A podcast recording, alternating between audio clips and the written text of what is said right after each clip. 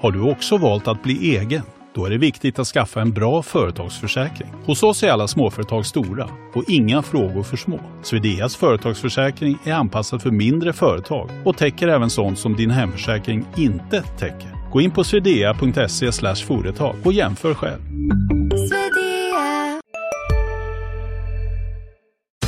Makrorådet från Dagens Industri. Hej och välkommen till Makrorådet special. Den här extra podden ägnar vi helt åt inflation och framförallt hur den mäts.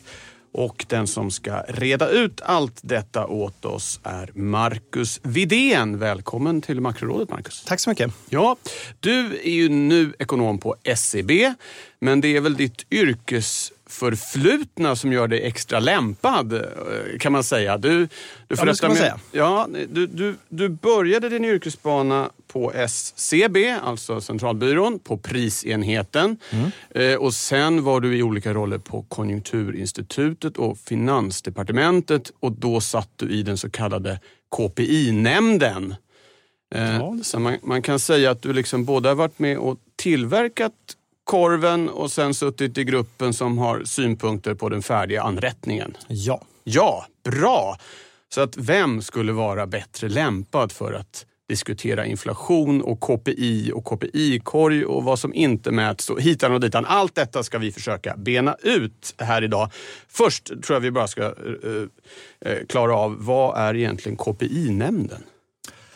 Eh, KPI-nämnden har en ganska långa anor och en nämnd då som har stöttat SCB i eh, olika metodologiska och principiella frågor just vad gäller konsumentprisindex. Eh, det är en liksom blandning av akademiker som har speciell kompetens på prisområdet men sen också deltagare då som i mitt fall från viktiga användare, så Finansdepartement, Riksbank, Konjunkturinstitut. Och sen då på senare år så har väl också vidgats lite till andra myndigheter som då använder konsumentprisindex eh, till sin vardag. Och sen tidigare så hade man faktiskt till och med beslutanderätt så att man tog aktiva beslut för eh, olika metodologiska frågor men har den senaste tiden mer haft en rådgivande eh, roll. Ja, bra. Vi börjar väldigt grundläggande. Vad är inflation? Jag tänker att kanske är den enklaste frågan och möjligtvis enklaste svaret eh, här idag. Att man brukar normalt sett säga då att inflation är eh, en ökning eller stigning av den allmänna prisnivån. Och det innebär ju att när priserna stiger från en tid till en annan så minskar köpkraften. Eh, ofta så diskuterar vi inflation i termer av utifrån ett konsumentperspektiv, så det som vi konsumerar under ett år, olika varor och tjänster. Och I takt med att priserna minskar så får vi en försämrad köpkraft och vi kan köpa mindre varor och tjänster. Sen ska man då ha, ha, ha i åtanke då att vi brukar inte riktigt använda ordet inflation på enskilda va- varor eller tjänster eller när det blir prisökningar eller prissänkningar på enskilda produkter utan det är med den här allmänna, ett större perspektiv. Hela prisaggregatet, Ja. Exakt. Och sen kanske man då kan sträcka sig till att man använder det då på olika delar av ekonomin när man kan prata om inflationen i liksom näringslivet eller bland konsumtionen. Och sen så förekommer det också ganska vanligt att man använder, lägger ihop inflation med eh, tillgångspriser. Då, så man, man diskuterar tillgångsprisinflation i då liksom bostäder eller, eller andra finansiella tillgångar. Eh, det är ju inte riktigt där diskussionen oftast är, men, men det är lite så man, Ja, man använder det. Det ska vi komma in på, på senare. Eh, sen då, vi ökar svårighetsgraden en aning här. Hur mäts inflation? Ja, det blir ju ett väldigt långt svar på den och vi ska försöka hitta rätt nivå det här. Men om, om man bara börjar med liksom själva grundtanken. Så om vi säger att inflation då har med konsumtionen för, som vi hushåll gör. Så mäter man helt enkelt prisutvecklingen på de olika varor och tjänster som vi eh, konsumerar under ett år och det här mäter man månad till månad. Man konstruerar den här och man brukar oftast referera till något som kallas eh, KPI-korgen och det är ju liksom en fiktiv korg med ett genomsnitt av det som vi konsumerar under ett år. Så det är hela befolkningen och under ett helt år som då ska reflekteras i den här eh, varukorgen. Sen då bara med hur man mäter och på ett ungefär. Sen har det där ändrats väldigt mycket från tid till annan och det har hänt väldigt mycket de senaste åren.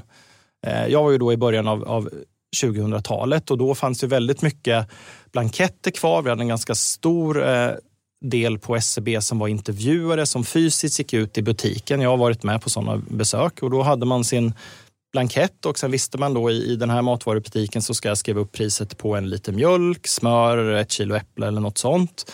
Eh, I mitt fall så var jag med och, och, och prismätte datorer på ett par olika butiker och så gick man in och sen okej, okay, vi ska mäta det här eh, datorpaketet och så gör man det där varje månad.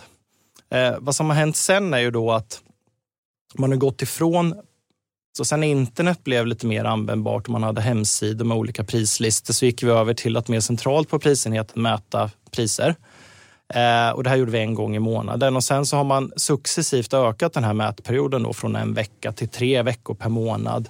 Och den stora händelsen här nu de sista tio åren är ju då att man har gått från fysiska besök och mätningar på hemsidor till att man faktiskt får all transaktionsdata från olika företag. Och det här har gått vid olika skift och nu säger man att ungefär 35 procent av KPI-korgen prismäts via en enorm datamängd av olika eh, transaktioner. Och då kan man säga att SCB skrev en artikel förra året då att 2009 så hade man ungefär 20 000 prisobservationer då varje månad och nu är vi en bra bit över 100 000 och då ska man vara medveten om att en prisobservation nu kan representera flera miljoner eh, observationer. Just mjölken jag pratade om att där tog man en prislapp i hyllan men nu så får man ut alla som har köpt mjölk i den specifika butiken med olika medlemsrabatter och sånt. Så det, det är ett ganska gediget arbete. Det låter ju som att det har blivit bättre kvalitet på mätningarna då. I och med att man har hela, alla transaktioner som underlag. Ja, på ett sätt. Eh, en viktig del i när man gör ett konsumentprisindex och ska titta över tiden är att man alltid jämför då lika för lika produkter. Vi ska jämföra eh, röda äpplen från Sverige och inte ett rött äpple från Sverige med ett grönt äpple från Italien.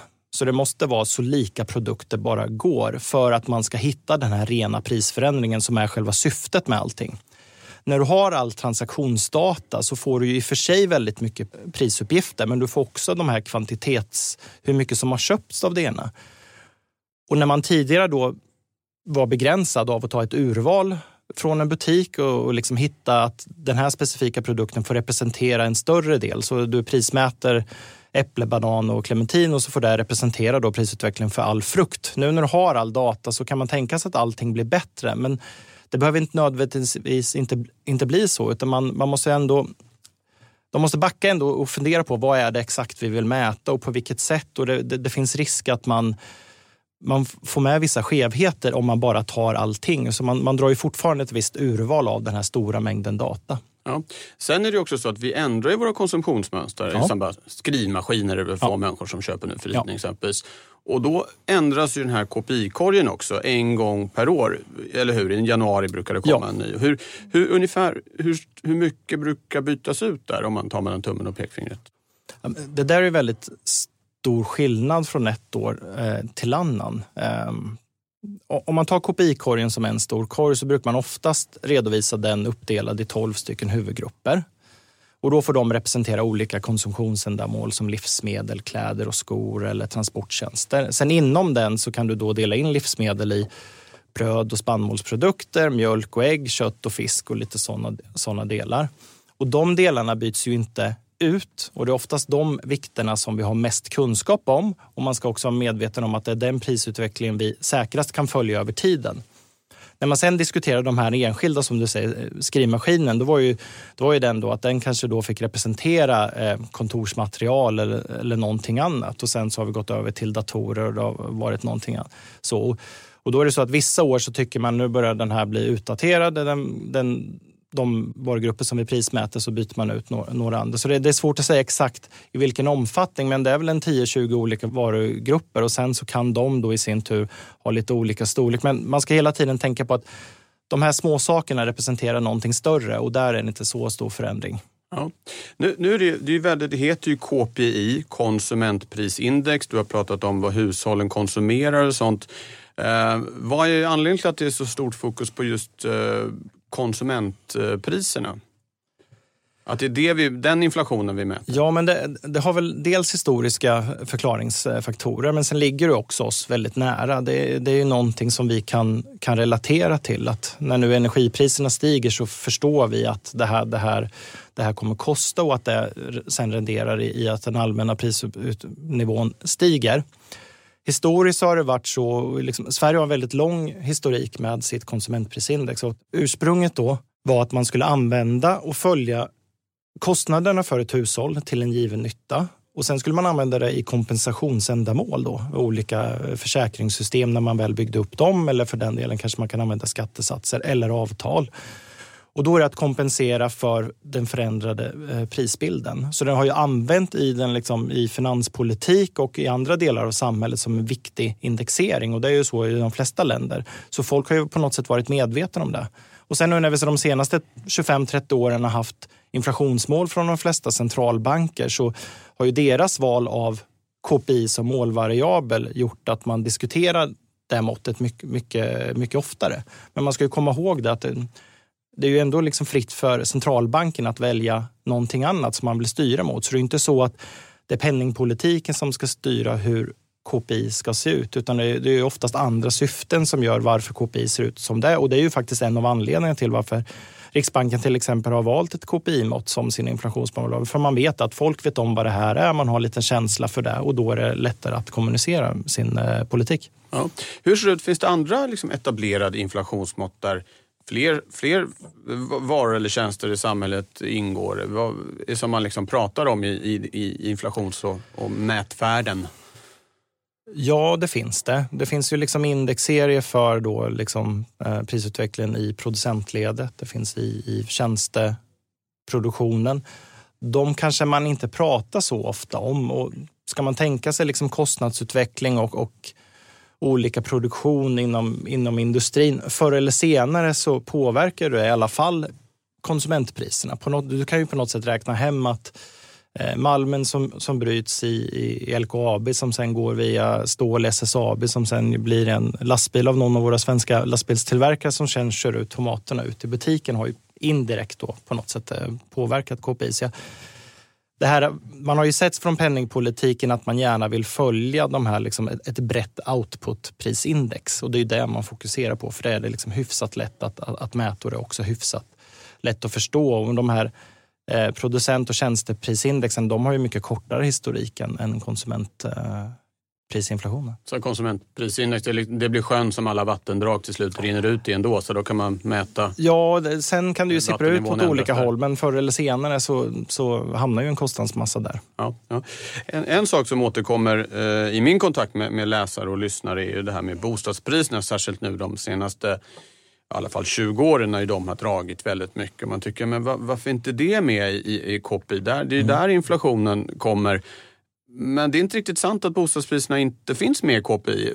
Hur, hur, hur fångas de in? Ja, skulle nog vilja backa bandet också och säga då att eh, KPI som finns i olika länder härstammar många gånger, eller man försöker i alla fall härstamma någonting som kallas levnadskostnadsindex, som, där man följer prisutvecklingen till en konstant nytta. Och sen kan den här koka ner då till den här konsumentprisinflationen. Eh, Själva grundtanken med de teorierna var ju då allting, precis allting. Eh, även då tillgångslag. Eh, men tillgångslag som fastigheter och aktier och sånt där, det är ju kanske mer från inputsidan och då är vi inne på teorier om, om, om vad heter det, produktionsfaktorer som eh, arbete, kapital och, och mark. Så det har man liksom valt att lämna därhän. Men så man ser ju fastigheter som en investering. Så det är liksom en av anledningarna till varför man inte direkt prismäter bostäder. Sen så är det så att den här investeringen faktiskt renderar någon form av bostadstjänst till dig som husägare. Du kan ju se liksom eh, ekvivalenten med att eh, antingen så äger du ditt boende och bor där själv eller så äger du ditt boende och hyr ut. Och då är liksom kostnaden för eh, liksom, antingen så den här hyresavin som du skulle skicka till en tredje person kan du egentligen betala själv. Och det är väl det som är på något sätt konsumtion. Huspriser finns ju inte med i det här konsumtionsbegreppet som exempelvis finns i nationalräkenskaper, utan det är ju kapital. Så det är lite det huvudanledningen till varför vi inte mäter. Och sen då din ursprungliga fråga då om det är intressant att det inte finns. Nej, eh, vissa länder har valt då att, eh, som har en stor och bred hyresmarknad för eh, eget boende, de brukar approximera då hyresutvecklingen med den här kostnaden för att, för att bo. Eh, och vi i Sverige då har ju valt någon form av eh, kostnadskalkyl där vi på något sätt har fångat upp alla kostnader eh, som skulle vara, så vi har på något sätt räknat ut en fiktiv hyresavi till oss själva. Och då kommer bostadspriserna in via av att räntekostnaderna är en betydande del av den här kostnadsmassan. Och då är det liksom eh, lånebelopp gånger en ränta. Eh, och sen så har vi då också gjort en beräkning av att det är ganska många som inte omsatt sitt hus just i år. Så fastighetspriserna eller småhuspriserna i, i svenska KPI kommer in som ett ganska långt glidande medelvärde för småhus och något kortare då för eh, bostadsrättslägenheter. Men liksom indirekt så kommer det här kapitalbeloppet påverka eh, KPI under en ganska lång tid också. Så har vi haft nu en snabb uppgång så kommer det lyfta det här kapitalstocksindex som det heter, då, den här lilla beståndsdelen under, under betydande antal år. Så att bostadspriserna är med, men indirekt och med fördröjning av det skälet att folk inte köper och säljer hus så himla ofta? Ja, för det, det är ju bara ett, procent, ett par procent av bostadsstocken som omsätts. Och, och även om då grannen fick betala, eller den nya grannen fick betala väldigt mycket mer än vad du själv gjorde då, så är det ju så att du själv har inte fått en ökad kostnad av, av bo. Um, och då är man inne, liksom, det finns ju teorier där man då skulle ha en, en ren sån här userkostansats, att man att det här med upplevda förmögenheten och att man faktiskt påverkas av den här indirekta prisuppgången. Men den är ganska svår att räkna hem både teoretiskt och praktiskt. Och där ska man ju komma ihåg att många gånger när man väljer metoder för KPI så är det ju mycket den här, du har ju en budgetrestriktion hur mycket pengar du får lägga ner när du, när du ska tillverka det här indexet och sen i, i vissa fall så är det praktiskt svårt att få tag i statistik. Och när du jämför länder, just med, det är just boendeposten som är den största skillnaden mellan länder. Och där kan det ju vara så att man har olika förutsättningar att samla in statistik eh, för olika ändamål och där kanske på något sätt tvingar in en i ett visst eh, metodval. Ja.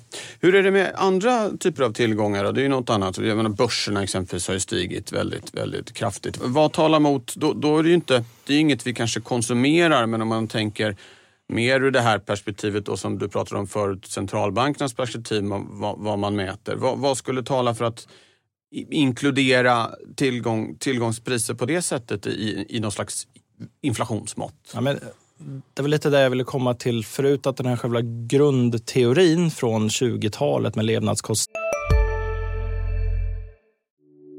Hej, Ulf Kristersson här. På många sätt är det en mörk tid vi lever i.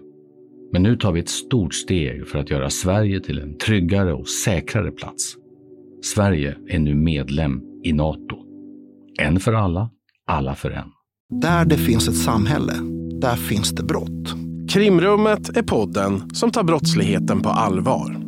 Jag bjuder in landets ledande experter och tar upp aktuella rättegångsfall för att begripliggöra den kriminalitet som kryper allt närmare. Du, alltså, du kan knäcka ett eller några gäng, men det kommer komma nya och så kan vi knäcka dem sen. Men att du ska knäcka allt forever, det kommer aldrig ske. Det är infinite game. Lyssna på Krimrummet, en podd från Expressen med mig Kim Malmgren. Index eh, inkluderade mer eller mindre allting. Och då var det mer en sån här inkomst eller, eller eh, vad heter det, eh, förmögenhetsutveckling. Då. Eh, men sen är det inte självklart hur man ska ta in. Du kan ju titta på aktier, men du borde också då ta med optioner och andra instrument där du tittar över en längre tidshorisont. Och det är inte alltid lätt att, att fånga in. Det finns ett papper där hur ECB diskuterade sig fram sitt, varför de följer då HKP och där resonerar man lite också då att den här, de här finansiella transaktionerna, man skulle kunna titta på det, men alla andra transaktioner som vi normalt sett tittar med konsumtionen, de drunknar i den stora mängden transaktioner. Så ett, det är svårt att, att ta med och två, så är det svårt att styra över. Och jag tycker att bara det att det är en investering och att det inte är i det här konsumtionsbegreppet så tycker jag att det är liksom en av huvudanledningarna eller det enklaste argumentet för varför det inte ska med. Eh, det finns ju närbesläktade diskussioner om bruttonationalprodukten, att man ska ta med liksom den här förbrukningen av planeten som BNP, eller som vi använder när vi producerar. Men det blir också det att bara för att man tycker att man ska ta med saker så innebär det inte att man ska kasta in allting i ett och samma. Jag, jag, jag tycker nog att det är bättre att på något sätt särskilja de och utvecklingarna vid sidan av än att man ska lägga in alltihop på ett och samma ställe. Och det är mer ur ett penningpolitiskt perspektiv och då tycker jag det är ganska bra att man, Lämnar man KPI ungefär på den definitionen man har stängt, då, då håller man det. Sen kan du alltid lägga till de här olika tillgångslagen som du, du kanske vill titta på. Men sen med det sagt så är det ju inte självklart heller hur penningpolitiken eventuellt skulle eh, agera på en sån här tillgångsprisinflation. Nej, nej det diskuterar de ju ganska helt mycket annan. Ja. själva också. Ja, men precis. Centralbankirerna. Eh, en annan sak som ofta kommer upp är det här med kvalitetsjustering. Hur det kan komma sig. Typiskt sett är det ju mobiltelefoner som ju då klarar av mer och mer för varje generation. Mm. Eh, och priset i butik stiger på dem och ändå så kan det se ut i i liksom prisstatistiken som att priset har sjunkit just för att de Mm. klarar av mer saker. Och där kan ju tyckas lite märkligt att något som har stigit i pris när jag går till butiken har sjunkit i butik när jag tittar på scb.se. Hur, hur funkar det? Jo, men det är också lite det här vad det är, vad det är för urval och vilken tidshorisont man har och vad jag tror också vad vi konsumenter observerar. Eh, jag är inte säker på att man själv tänker in exakt prisjämförelsen ett år tillbaka, vilket då KPI eller inflationen då gör. Så du kanske har en lite längre tidshorisont. Eh, sen så är det också så att många gånger så fokuserar man ju på den absolut nyaste modellen. Tittar man då på vad som köps så är det ju inte sällan så att man köper den näst senaste eller näst, näst senaste mobiltelefonen och de tror jag de flesta håller med om att de oftast har ett lägre pris. För de sänker oftast priset när man introducerar en ny modell. Eh, återigen i den här artikeln jag, jag hänvisade om tidigare då, det var faktiskt en, flera artiklar som SCB publicerade förra hösten som är väldigt bra just på de här ämnena. Där gjorde de olika beräkningar då att tog de de 20 eh, mest sålda produkterna så gick prisindex ner mycket, mycket mer än om de tog 500 eh, sålda produkter. Så ju närmare du är den senaste modellen så blir det faktiskt en rejäl prissänkning. Sen är det ju så att man indirekt, i och med att man vill fånga den rena prisutvecklingen och därmed inte vill kompensera för förändrad kvalitet, eh, då är det ju så att min gamla privata telefon som jag har, har kvar för att det är bra täckning på landet, den har ju då Eh, 32 gigabyte i internminne, vilket då de nya har 128 eller ännu mer. Så det är ju liksom betydligt sämre prestanda på äldre och man räknar ju om priset i någon form av mätbara enheter. Och det bygger på att man har bestämt sig från början och det är ganska konsensus av att man ska följa en ren prisförändring och man ska justera för kvalitet. Och då gör man det. Och då måste man göra det liksom så bra man kan göra och då blir det lite att den här skillnaden mellan upplevd och faktisk inflation blir faktiskt eh, ganska stor. Ja. Här alldeles nyligen fick vi faktiskt det motsatta när eh, reduktionsplikten eller inblandningsplikten i bensin ändrades och man skulle blanda in mer så att energiinnehållet i varje liter bensin blev mindre. Ja. Och det gav en liten skjuts uppåt på KPI istället därför att varan fick sämre kvalitet så att säga. Ja, nej, men det, det, det finns olika och sen har vi då det här eh, krympflation. Eh, Ja, det får du berätta mer. Ja, men det, det är den här och det är också ganska välkänt. Och det är om, om man tänker sig på dagligvaror, då, livsmedel, eh, så finns det ju en tendens till att Jaha, att det blir mindre i varje paket. förpackningen blir 95 något istället för mindre. 100. Ja, ja. Exakt. Ja.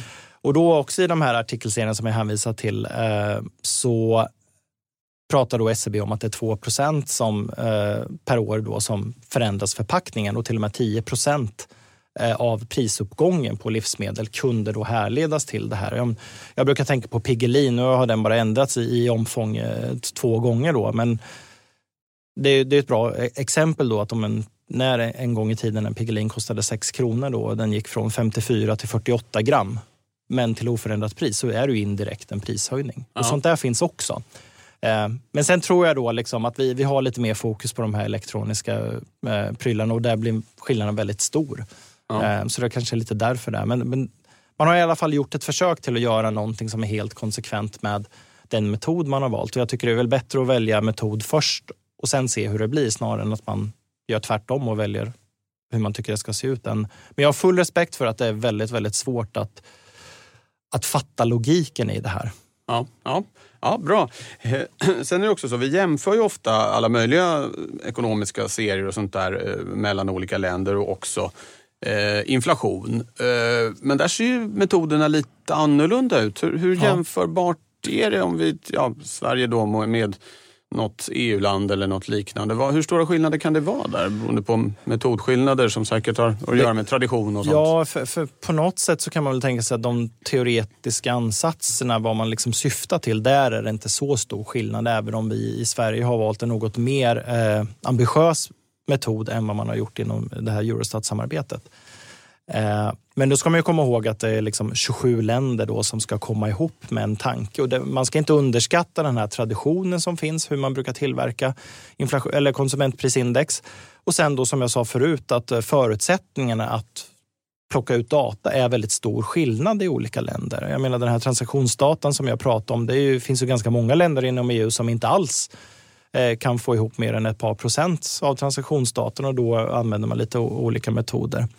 Eh, så det är mycket tradition och möjlighet och sen så är det då också att det råder konsensus om att göra den här kvalitetsjusteringen men sen så gör faktiskt länder på lite olika sätt och det finns liksom ingen rekommendation på den minsta detaljnivån eh, exakt hur man ska göra utan det är väl lite upp till statistikbyråerna.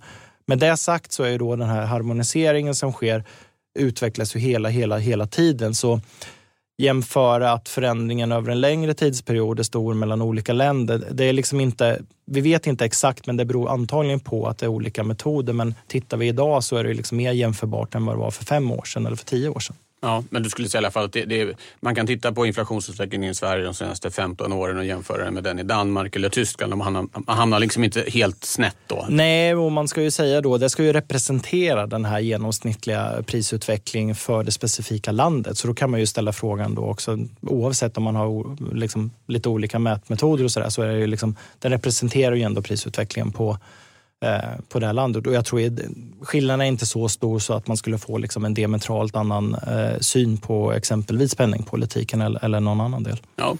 Sen som du säger så har ju centralbankerna verkligen tagit det här med KPI till sitt hjärta. De flesta har någon typ av inflationsmålspolitik sen eh, ja, någon gång på 90-talet i alla fall. Ja, början. Och många siktar numera på 2% precis som Riksbanken. Hur kom man fram till just det här 2 målet? Vad, vad, vad är bakgrunden till det?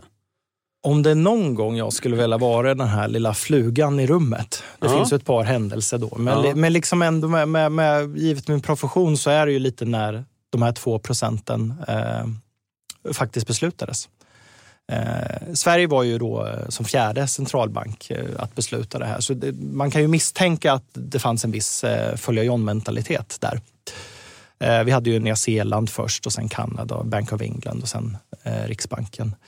Eh, och jag tror inte att man brukar ju jag tror centralbankscheferna brukar väl liksom skruva lite på sig där. Man, man kan inte säga exakt varför man hamnade här, utan det var väl ett resonerande av att man kom från en tid med väldigt, väldigt hög inflation. Och jag vet, jag har lyssnat någon gång på riksbankschef Stefan Ingves där han sa liksom att ja, men när vi drog till med 2 procent, vi, vi trodde ju aldrig i livet att vi skulle komma ner så här lågt som vi de facto har gjort allting handlar ju om att man vill ha lite inflation, lite lagom inflation. Ekonomin är ju olika kugghjul där inflationen ska vara det här smörjmedlet så allting blir lite lättare. Eh, hamnar man för lågt så riskerar man att hamna i deflation eller liksom ha problem med räntesättningen.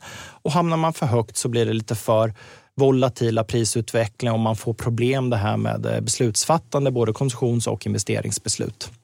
Så det var väl någon form av, av, av, av mellanting med risken att hamna för högt eller för lågt. Men eh, ja.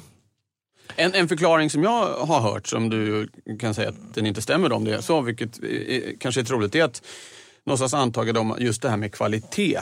Att saker och ting blir ungefär 2% bättre varje år. Och då skulle en inflation på 2% göra att man håller det lite konstant. Ja. Är det inget du känner igen? Nej, men jag, jag, jag, jag har hört den, men, men, men jag har nog inte sagt någon centralbank liksom som pekar på en... Nej, en efterhandskonstruktion eh, kanske? Exakt, ja, det är väl en... Jag tycker man får lite olika svar i alla fall. Och eh, så är väl resonemangen när det har funnits eh, debatter de senaste 5-10 åren då med huruvida man skulle justera inflationsmålet av att man, man inte är överens om att om man skulle hamna på två eller, eller kanske något annat. Med det sagt så har vi ju faktiskt haft både Fed och ECB och delvis även då vår egen riksbanksutredning som nyligen har gått igenom inflationsmålet och man har ju på något sätt fastnat vid att nej, men vi, vi tycker nog att det här är ganska bra och håller kvar vid den här nivån. Ja, eh, lite mer bara om det här med, du pratade om kugghjulen och smörjmedel och så. För annars kan man ju tänka sig att ja, men prisstabilitet, vad skulle vara stabilare än att priserna inte förändras? Alltså att vi ska sikta på att ha noll i inflation. Vill du berätta lite mer om vad, vad argumenten ja, emot men då är väl då är väl risken för att hamna i deflation eh, allt för, för stor. Alltså allmänt sjunkande priser? Allmänt sjunka priser. Nu sa jag det, liksom, med teknikprylar så enskilda produkter så vi, ser vi ofta att det är liksom, sjunkande priser. Eh, men det är ju mer relativ prisförändringar. Den här allmänna prisnivån, då hamnar man ju i ett läge där eh, det blir svårare att låna pengar. Det blir liksom dyrare och dyrare för, för varje månad som går. Och då vet du också att om du ska ta konsumtions eller investeringsbeslut, du vet att det blir billigare en tid fram, så då, är det bättre, då kan du lika gärna avvakta med att ta ditt beslut. Och då på något sätt hämmar du ekonomin och så blir det en liksom ond cirkel av det där, är väl tanken med deflation. Eh, på samma sätt som om du har allt för hög inflation så blir det tvärtom. Då, att det blir en ond cirkel av att du, du behöver liksom ta ogenomtänkta investerings eller konsumtionsbeslut bara för att... Så fort man har fått lön i en skottkärra måste man springa och köpa mat? Exakt, nu var väl den tiden då ja. lite för många nollor. Men, men mm. liksom logiken är, är väl ändå det att eh, och sen har du koppling till, till räntesättning också då, att du, du får för trubbig penningpolitik om du hamnar allt för långt ner. Ja, att man hamnar nära den här så kallade nollrestriktionen som det heter. Som vi en gång att trodde inte, att den rådde. Ja. Så, ja, som inte riktigt var noll. Men hur Nej. långt under noll som helst går det inte att sänka räntan. Nej. I alla fall inte tills alla pengar är elektroniska. För då kan vi göra det. Men nu kan man ha det kontant. Ja. Eh, jag tänker att vi ska eh, runda av här. Eh, en, går tiden så fort? Ja, den går så fort. Vi har pratat i 30 minuter och jag tänkte att det är ungefär så länge vi ska prata. Men jag tänkte en sak som är förknippad med inflation och om vi stannar lite i centralbanksvärlden, inflationsförväntningar, alltså vad eh, ekonomins aktörer kan vi säga tror att inflationen eh, ska vara. Eh, och där har man tänkt sig att det där ska vara lite självuppfyllande. Att det folk tror att inflationen ska bli, ska den bli för då anpassar man sina löneanspråk och så vidare. Och så där.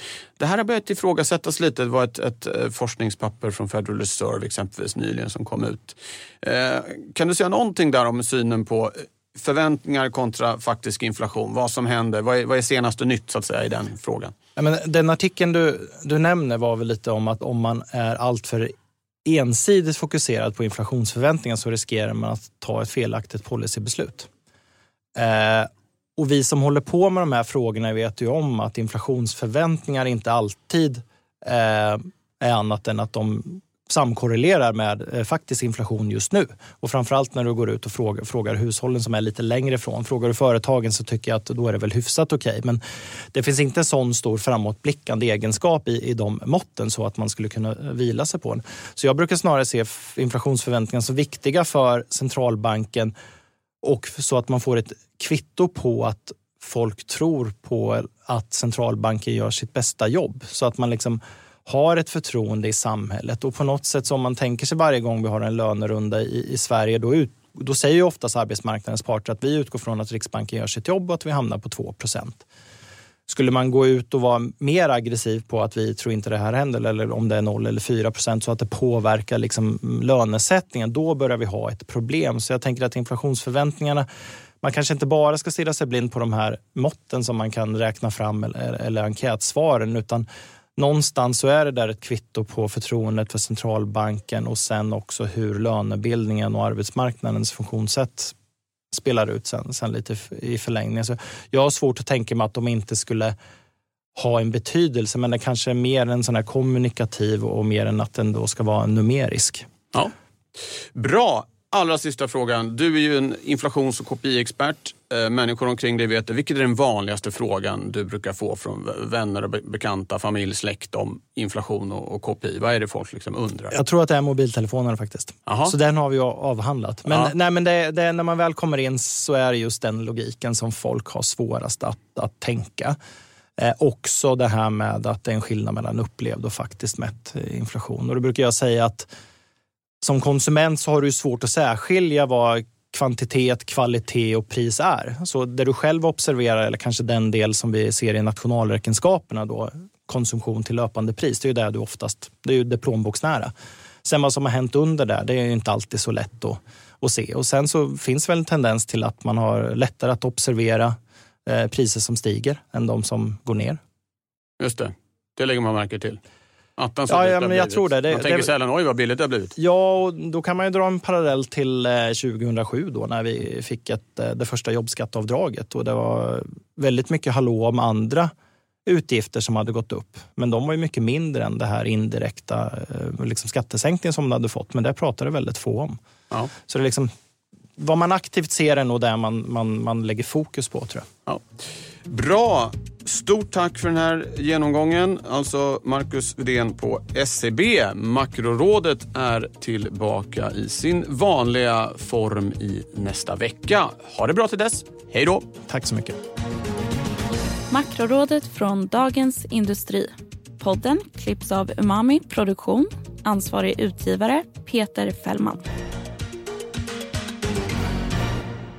Varje vardag klockan sju uppdaterar Ditvs Morgonkoll dig om natten och morgonens viktigaste nyheter. Från börsstängningen i New York till läget i den asiatiska handeln. Och strax därefter kommer podden med samma namn. Prenumerera på Morgonkoll du också så är du uppdaterad inför varje ny arbetsdag. Morgonkoll finns där andra poddar finns.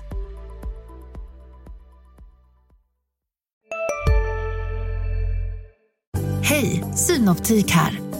Hos oss får du hjälp med att ta hand om din ögonhälsa. Med vår synundersökning kan vi upptäcka både synförändringar och tecken på vanliga ögonsjukdomar. Boka tid på synoptik.se. Välkommen till Maccafé på utvalda McDonalds restauranger med Baristakaffe till rimligt pris. Vad sägs om en latte eller cappuccino för bara 35 kronor? Alltid gjorda av våra utbildade baristor.